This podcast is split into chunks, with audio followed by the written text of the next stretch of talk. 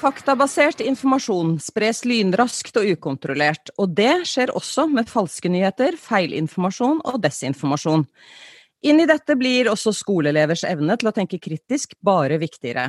Kritisk tenkning er også mer sentralt i de nye læreplanene, men hva er nå egentlig kritisk tenkning, og hvordan kan elever og skolen bli bedre på kildekritikk? Dette er tema for denne episoden av Lærerrommet, som spilles inn fra ulike steder. Velkommen, navnet mitt er Vigdis Alver. Og navnet mitt er Marianne Olsen Brøndtveit. Ja, én ting er å kunne lese faglitteratur på en kritisk måte og være bevisst på valget av kilder, men det er også en digital jungel der ute som er en viktig del av hverdagslivet, og som også preger klasserommet og meningene våre. Med oss inn i denne samtalen har vi to svært kyndige eksperter. Velkommen Bente Karlsnes, medieforsker ved Høgskolen Kristiania. Takk. Hei.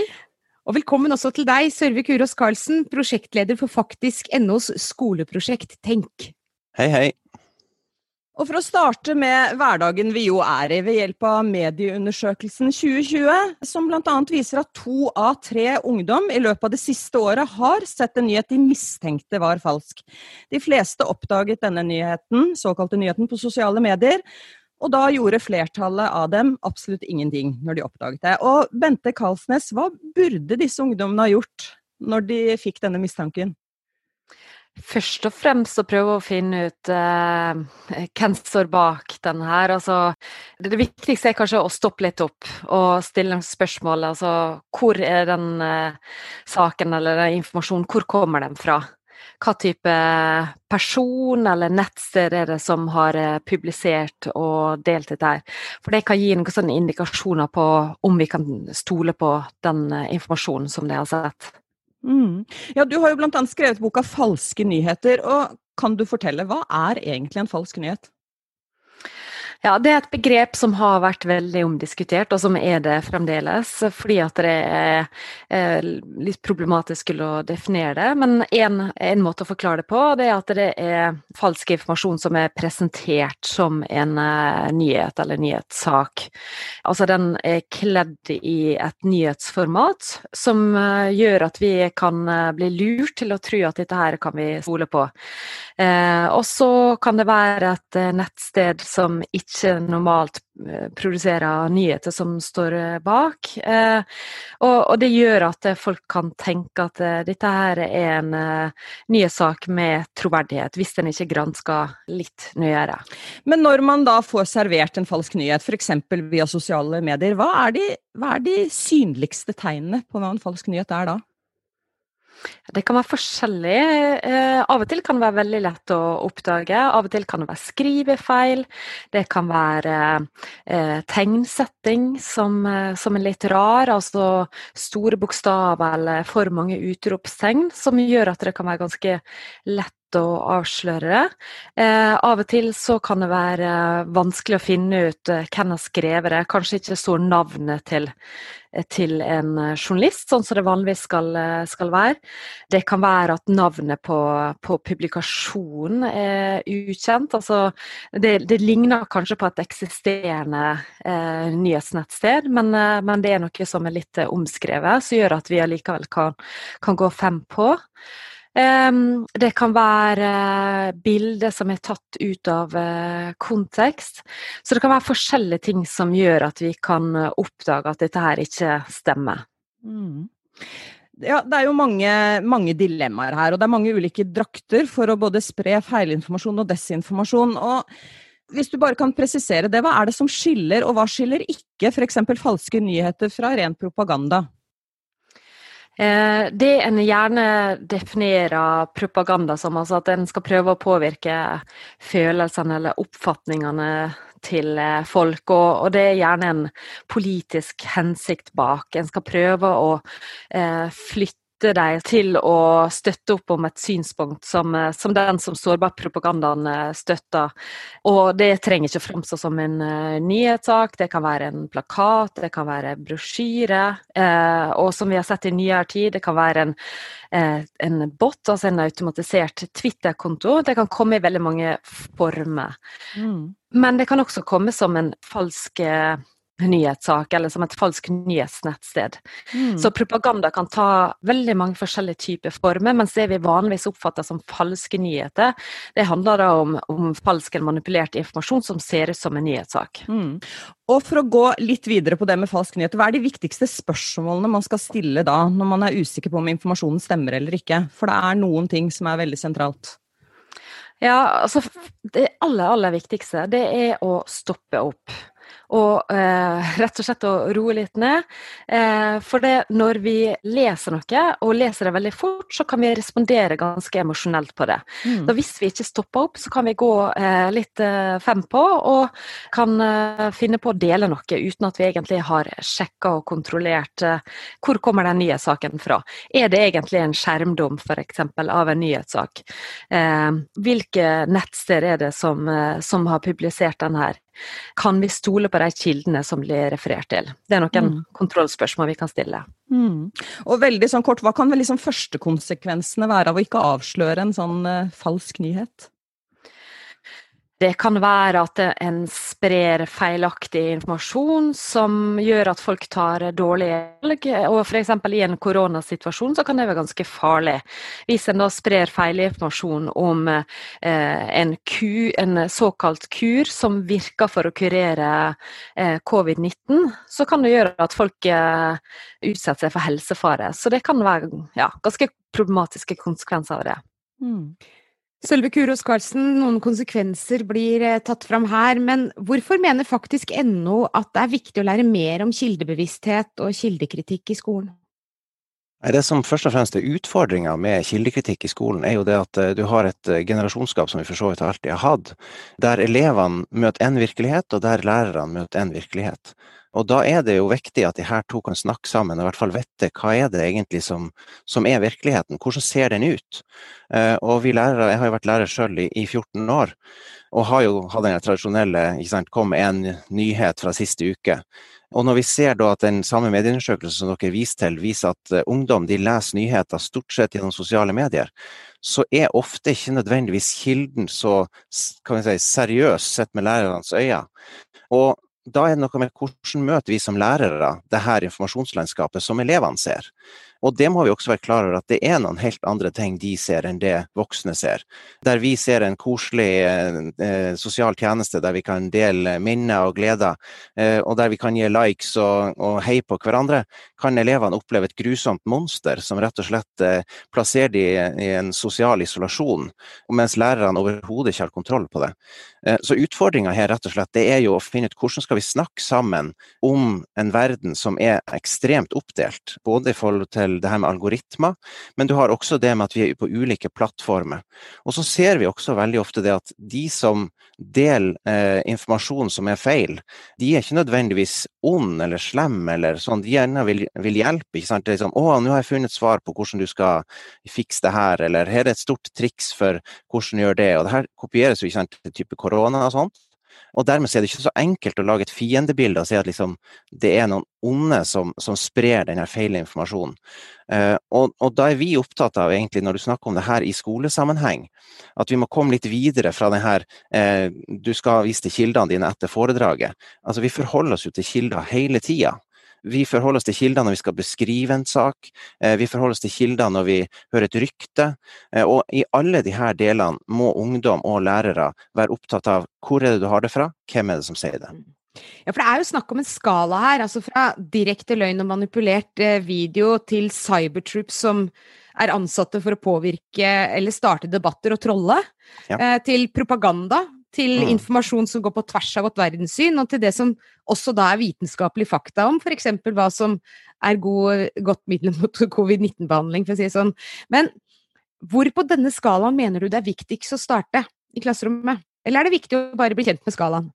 Jeg tenker at det som først og fremst er viktig, er eh, at elevene får ta fram det som er deres eh, kilder til, eh, til informasjon. Og i mange tilfeller så er det jo bare det at du snakker til elevene at liksom Ja, hvilke nyheter er det dere følger med på? Så ser du et sånt tomt blikk som møter i klasserommet. Og så er liksom egentlig det vi er ute etter, det er liksom hvor henter du informasjon fra? Hva er du interessert i? Eh, mange lærere kanskje eh, har masse ting å følge opp. Så det å få tid til å få oversikt over elevenes informasjonslandskap, det krever masse. Handler dette like mye om medie- og kanalbevissthet som kildebevissthet, slik dere ser det? Vi snakker ofte om kildebevissthet fordi at det er nesten uløselig eh, knytta sammen med denne, de ulike kanalene.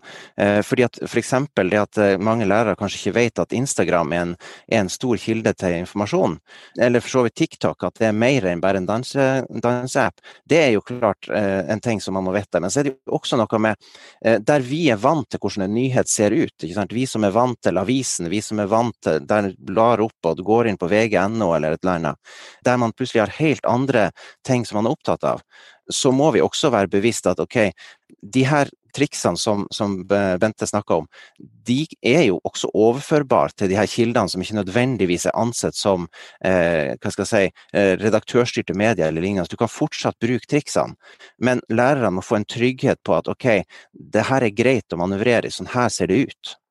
Ja, for du, du starta jo å snakke om dette gapet. Um, hva synes lærerne selv er vanskelig i dette arbeidet? Du er jo lærer selv. Nei, mange lærere syns jo at det er vanskelig, rett og slett, at uh, altså liksom det som er med, med, de ulike sosiale mediene og det at nyhetene våre kommer gjennom ulike plattformer, er jo det at det er filtrert. Uh, og for lærerne da, så er jo det å skal oppsøke eh, et ungdomsmiljø, det må man gjøre aktivt. Og det har du kanskje ikke nødvendigvis tid til. Eller liksom, ja, hvordan skal, skal du gå og google liksom, hvilke nyheter leser barn? Altså, du får ikke noe treff på det. Så det er rett og slett hvordan kom inn, hvor finner du informasjonen hen? Eh, og der ser vi at, eh, at vi i skoleprosjektet Tenk eh, har gitt en verdifull eh, innspill til lærerne, rett og slett for å lette dem fra jobben. De har nok å gjøre. Bente Karlsnes, unge i dag de betegnes ofte som digitalt innfødte. Tenker du at det kan gi et feilaktig bilde av hva de faktisk kan og vet om verden de beveger seg rundt i? Kan det også gjøre dem mer blinde for f.eks. kildekritikk? Eh, ikke nødvendigvis at de gir et feilaktig bilde, i den forstand at eh, de er brukere av de digitale kanalene på en helt annen måte enn andre generasjoner. Og ja, de har eh, masse kunnskap om det, men det trenger ikke bety at de har all kunnskapen som skal til for å kunne navigere denne informasjonsflommen. Og vi har sett i en del undersøkelser, f.eks. i undersøkelser fra Medietilsynet om kildeforståelse og bevissthet blant eh, forskjellige aldersgrupper, så ser vi at eh, de unge eh, har mange teknikker og grep for å kunne undersøke informasjon og finne ut hvem som står bak ulik type informasjon. Samtidig som de også blir utsatt for veldig masse mer falsk og manipulert informasjon. Så de er nødt til å være årvåkne på andre måter enn hva, hva kanskje 70-åringer som leser eh, ja, papiraviser og få med seg tradisjonelle nyhetssendinger på radio og TV. Eh, så det betyr også at det, eh, selv om de kanskje er oppmerksom på at du kan sjekke URL-en, du kan sjekke hvem som har opprettet et nettsted, du kan følge en lenke for å finne ut eksisterer den rapporten eller eksisterer den personen at de kjenner til en del av de teknikkene, eh, samtidig som at de må passe på hele tida. Og det er litt derfor det, dette med å stoppe opp. altså ta, ta, en fot i bakken og bare Når en da kommer over noe på Instagram eller YouTube, som er en veldig viktig nyhetskanal for veldig mange, eller ja, altså en utrolig viktig sånn søkemotor for mange unge det å kunne bremse litt opp når en da ser noe informasjon som en blir litt sjokkert over, før en da tar det videre og deler det med vennene sine. Mm. Ja, du nevnte jo tidligere her covid-19 eh, f.eks. Eh, og også Verdens helseorganisasjon har jo snakket om mengden av nyheter og falske nyheter inn i vår tid. Og de har kalt eh, denne tiden, koronaperioden med kommunikasjon og nyheter om epidemien, som en infodemi. Hva ligger i det uttrykket? Ja, og det er et uttrykk som nå har blitt eh, eh, brukt i, i, mange sammenhenger. Og det, det, spiller da på pandemi, altså at vi får en sykdom som sprer seg globalt. Og tilsvarende så får vi da en informasjonssituasjon eh, som er en slags flodbølge av eh, faktabasert informasjon, men også masse informasjon som er basert på rykter, på konspirasjonsteorier og spekulasjoner om eh, hva er den sykdommen, hvordan har den oppstått, eh, hvordan kan den kureres. Og Det betyr at det, blir, det er ganske vanskelig for oss å navigere, også fordi at det eh, har vært lite forskning på feltet. Det, det, har blitt gjort veldig masse forskning i løpet av pandemien, men det er en, eh, en eh, ganske komplisert informasjonssituasjon å navigere, og vi ser at det har vært massevis av ryktespredning, som bl.a. faktisk har tatt for seg og gått inn og sett på kan vi stole på disse der kjedebrevene som sprer seg. I de fleste tilfeller nei. Mm. Men med dette som bakteppe, er dette noe skoler kan gripe tak i når de skal jobbe med kildekompetanse og kritisk tenkning, tenker du? Jeg tenker at det, det, er mange gode eksempel på ting en kan lære fra det, det siste, siste halvåret, også på hvordan en ikke skal gjøre ting. Eh, fordi at vi har eh, sett eh, ja, veldig mange forskjellige varianter av manipulasjoner. Alt fra videoer til skjermdumper til eh, ja, type sånn kjedebrev som sprer seg. Så covid-19 har gitt lærere ganske mange eksempel på ting en skal være oppmerksom på. Kuros Karlsen, hvis vi skal tenke da på planleggingen av undervisningen, Hvilken ende tenker dere at det er lurt å begynne i? Elevene må jo bli opplært, snakker vi om her, men vi voksne er kanskje ikke godt nok drilla, vi heller. Er det elevene som skal hva det er å tenke kritisk, eller er det lærerne som trenger å styrkes? Jeg tror, jeg tror, absolutt at lærerne vet mye knytta til det med å tenke kritisk. Og vi ser også det at det, det, er enormt mye bra som skjer ute i skolen. Når vi har vært ute, så har vi møtt på flere prosjekter. Vi har møtt på ildsjeler som jobber spennende med kildekritikk. Det som kanskje er utfordrende, det er jo rett og slett det at alt som går på det, altså de her eh, spredning av feil informasjon, det spiller jo ofte på følelsene dine, og sånn sett så er det jo vanskelig å si liksom eh, du skal ikke bli lurt, fordi at du blir lurt en eller annen gang. Og Derfor er det så viktig å bygge denne fellesskapet av kildekritikk. At det er alltid noen som spør hvor har du det her fra? Eh, fordi at du blir kanskje lurt, men kanskje ikke kompisen din. Og der ser vi at når vi skal jobbe i et klasserom, så er det veldig viktig at det, der viser jo også forskning at man må være veldig konkret. Det å gå ut og si nå må dere være kritiske. Ja, ja, ja, vi skal være kritiske. Men liksom, kritisk hvordan? Eh, og til og med elever som kommer og sier ja, hvorfor kan vi være så negative hele tida? Eh, så det, det, her med å ha en forståelse på hva vi jobber med, det krever litt. og Derfor er vi opptatt av at elevene skal eh, få møte ganske konkrete verktøy, som de får liksom høre at OK, gjør sånn, der må du tenke altså Du har noen, noen knagger å ta det på. Eh, og så må du ikke bli sånn at du liksom er redd for å gjøre feil her, for det gjør vi jo alle. Hvis du kan komme med eksempler, hva slags konkrete verktøy er det det er snakk om? Nei, Først og fremst så, så handler det jo litt om at, at, eh, at du, du, hvis du møter en kilde, litt sånn som eh, Bente sa, at eh, hvis det kommer en påstand imot deg, prøv å finne ut hvor kommer det her fra. Hvem er det som sier det? Og eh, I noen tilfeller så er det ganske vanskelig, og da kan man jo i klasserommet skape nesten en sånn her detektivlesning. Liksom. Klarer vi å finne ut klarer vi å finne ut hvem som står bak det her? Og hvis man kommer dit, så kan man igjen si ja, hvorfor sier de det her? Og kanskje til og med hva gjør det med deg at denne informasjonen kommer? Eh, men vi vet jo det at eh, juicy informasjon det har vi alle sammen lyst til å dele. Det er spennende. Har du hørt siste nytt? Eh, hun har gjort det og det og det. Så, så Vi må jo være såpass ærlige med oss sjøl at vi syns det er spennende med sladder. Vi syns det er spennende med informasjon som sjokkerer. Og så er det det at det kan få en del trasige konsekvenser. Pluss at det hvis du får en stor spredning av feil informasjon i samfunnet, så begynner vi å slite med ok, hva skal vi stole på? Og da går vi på angrep på tilliten som vi har. Ja, for det, dette er jo et interessant aspekt. Hvis vi sa da se på læreverk og den redigerte fremstillingen faktisk de har, mm. og som elevene da skal ta til seg, ja. eh, f.eks. historie. Mm. Hvilke utfordringer gir dette her da en lærer med tanke på hva de skal lære elevene å stille spørsmål ved, og hva elevene skal erkjenne som fakta?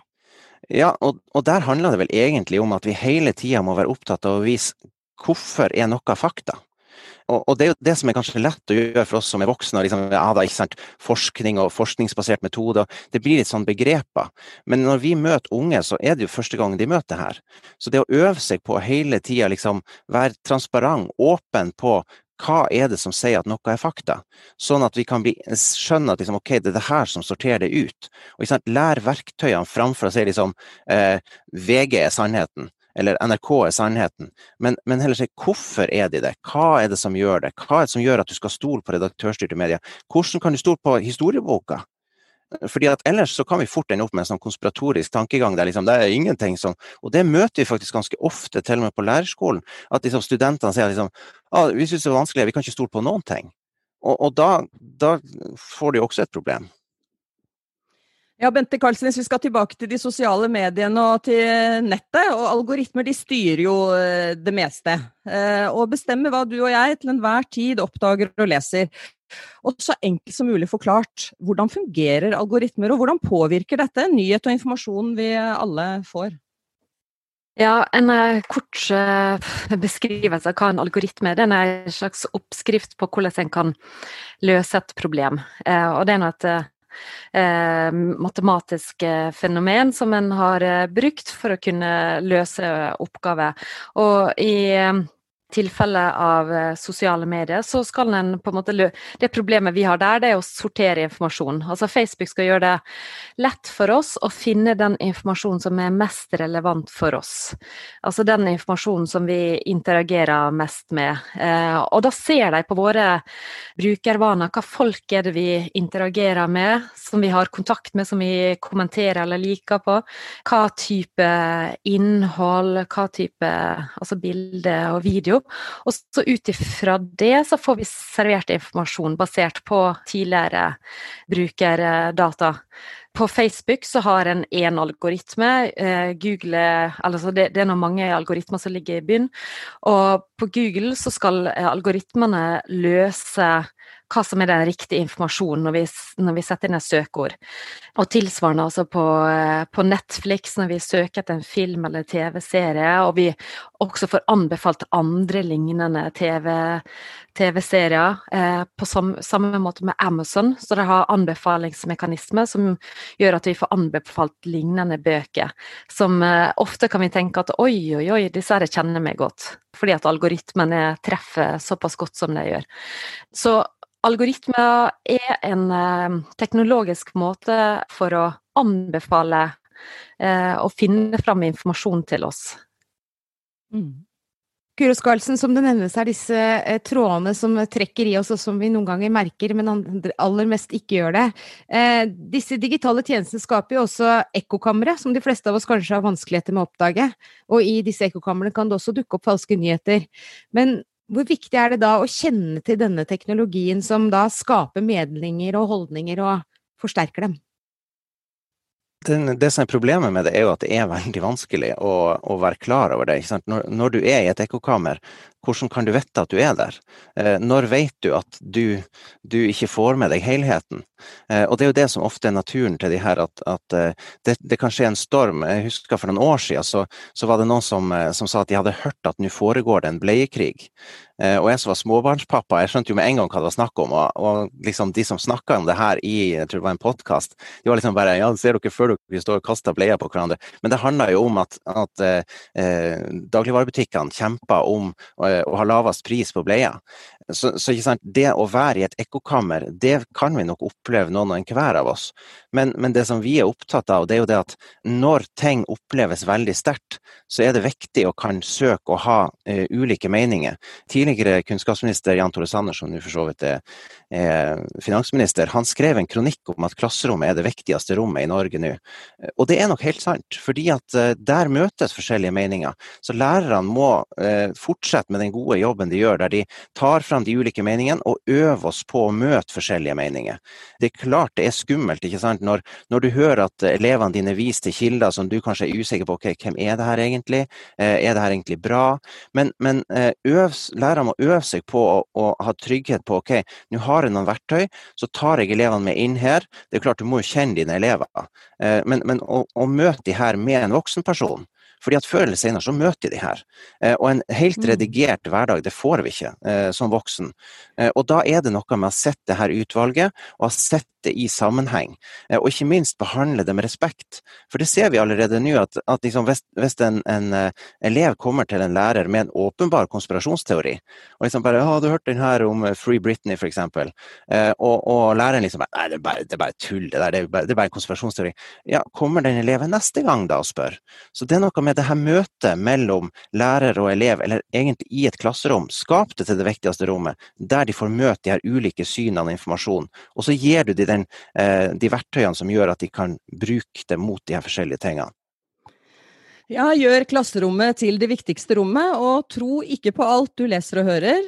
Stopp opp og sjekk før du sprer det videre. Det er en grei oppsummering av denne episoden av Lærerrommet, som nå er ved veis ende. Og vi sier tusen takk til Bente Karlsnes og Sølve Kurås Karlsen for at dere var gjestene våre her. Og tusen takk til deg som lytter til oss. Del oss gjerne videre, og husk å abonnere. Lærerrommet er snart tilbake med nytt tema henta fra utdanningsfeltet. Inntil det så sier Vigdis og jeg ha det bra. Det gjør vi, Marianne. Ha det bra.